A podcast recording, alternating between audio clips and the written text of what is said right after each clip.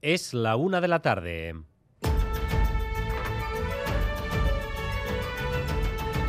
Crónica de Euskadi con Dani Álvarez. A Rachaldeón, Ramón Tamames ha enmendado a la totalidad al gobierno de Pedro Sánchez en la moción de censura de Vox. Un Pedro Sánchez que está respondiendo ahora a Ramón Tamames, pero en realidad su mensaje va hacia el que considera el autor intelectual de esta moción de censura, que no es otro que Núñez Feijóo. Le escuchamos en directo. Eh, si suben los salarios, se destruye empleo, es falso. Y decir todo esto, señor Tamames, insisto una vez más, no es triunfalismo económico. No lo es. Son datos objetivos. Triunfalismo sería negar la evidencia, decir que no tenemos problemas serios o decir que la coyuntura internacional... El viejo comunista ha intentado desguazar el gobierno, sus alianzas, sus políticas y sus leyes. Pero lo cierto es que ha sonado todo, en fin, sin demasiadas aportaciones intelectuales que ustedes no hayan escuchado antes. La memoria histórica nos ha creado muchos problemas y nos los va a crear. Una memoria democrática que está faltando a la veracidad y, que está por el partidismo. Lo cierto es que no ha cogido a nadie con el pie cambiado y Sánchez responde en una especie de tres en uno. A Tamames, a Abascal y también al PP. Congreso y Sarobaz, adelante.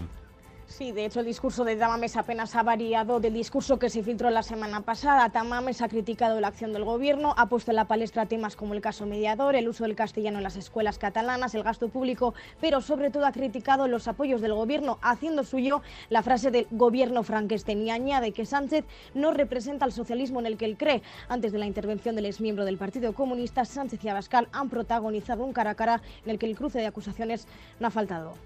Ahora se esconde entre otras razones, evidentemente porque nadie le imagina a usted como presidente del Gobierno. Así que prefiere que sea otro el que le haga el papelón. Esos que mañana se van a abstener son tan responsables como usted.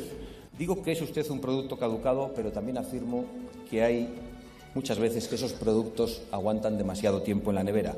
Y exactamente para eso hemos puesto en marcha esta moción de censura. Eso es lo que está dando de sí hasta el momento esa moción de censura que sigue en marcha y que hoy tendrá también la intervención de otros grupos como el PNV o Euskal Herria Bildu. Además, en nuestro país se enturbia otra vez el ambiente educativo. Los sindicatos convocan huelga para el 25 de abril en las escuelas de iniciativa social. ¿Cuáles son las razones, Xavi Segovia? Sí, gran malestar de los sindicatos con las patronales de los cerca de 200 centros educativos de iniciativa social. Denuncian falta de voluntad para mejorar el convenio en una mesa de negociación que sigue bloqueada, recuerdan, desde el 2 de febrero. Sus casi 9.000 trabajadores están llamados a la huelga el 25 de abril, unas protestas que comenzarán este mismo jueves para reclamar que se atienda a sus reivindicaciones. Más aún dicen cuando la financiación económica del gobierno vasco no deja de aumentar. Solo propuestas con contenido, recuerdan, podrían desconvocar esta huelga, algo que ven imposible. El Consejo de Gobierno activa las ayudas a la emancipación de los jóvenes. Objetivo, que la juventud se vaya de casa antes de lo que lo hace. ¿Cuánto dinero se pone para ello, José Luis Fonseca? Pues enseguida lo decimos, porque todo está con la vista puesta en afrontar el reto demográfico y de esta forma el Ejecutivo va a incorporar esa estrategia que tiene como objetivo principal reducir la edad media de la emancipación a menos de 28 años para en 2030 aumentar esa tasa de emancipación juvenil hasta el 50%, el nivel que, en que se sitúa la media de la Unión Europea. Y contempla como una de sus novedades, recordemos, una ayuda de 300 euros al mes para jóvenes de entre 25 y 29 años a partir del próximo año.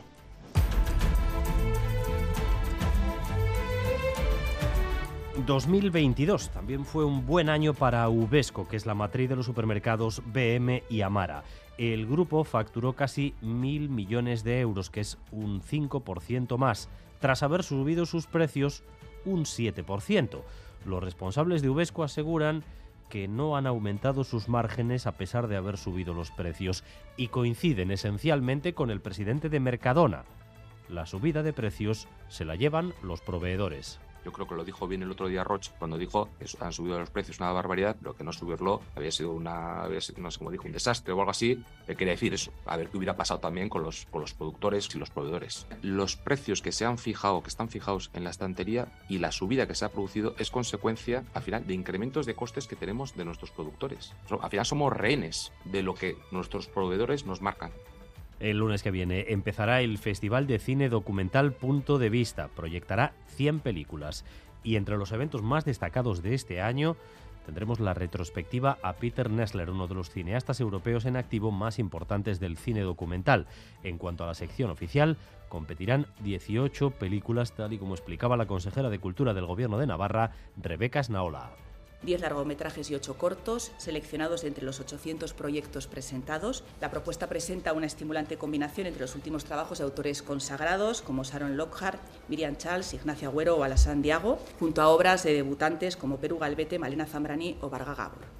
Y vamos también con lo más destacado del deporte, Álvaro Fernández Cadierna, Rachaldeón. Hola Rachaldeón, balonmano, baloncesto y fútbol. El Eibar más líder que ayer tras ganar 2 a 3 en Miranda de Ebro. Son ya cuatro los puntos que sacan a sus perseguidores en balonmano, partido día de los octavos de final de la European League, Vidasoir un Sporting de Portugal, transmitido en directo por esta casa, por TV4. y en la Champions, Bilbao Basket, UCA en Murcia, los hombres de negro están ya eliminados. Alternancia de nubes y claros en cuanto al tiempo, estará más despejado hacia el sur del país, el viento sopla flojo y las temperaturas máximas han descendido ligeramente con respecto a las que teníamos ayer. Oscilan entre los 15 y los 20 eh, grados, aunque no se acercan tanto a los 20 como ayer. 17 tenemos en Bilbao, 16 en Vitoria-Gasteiz, 15 grados en Donostia y en Pamplona, 14 grados de temperatura en Bayona. Gracias un día más por elegir Radio Euskadi y Radio Vitoria para informarse. Raúl González y Jorge Ibáñez se encargan de la dirección técnica y Aichiber Bilbao de la coordinación. Crónica de Euskadi con Dani Álvarez.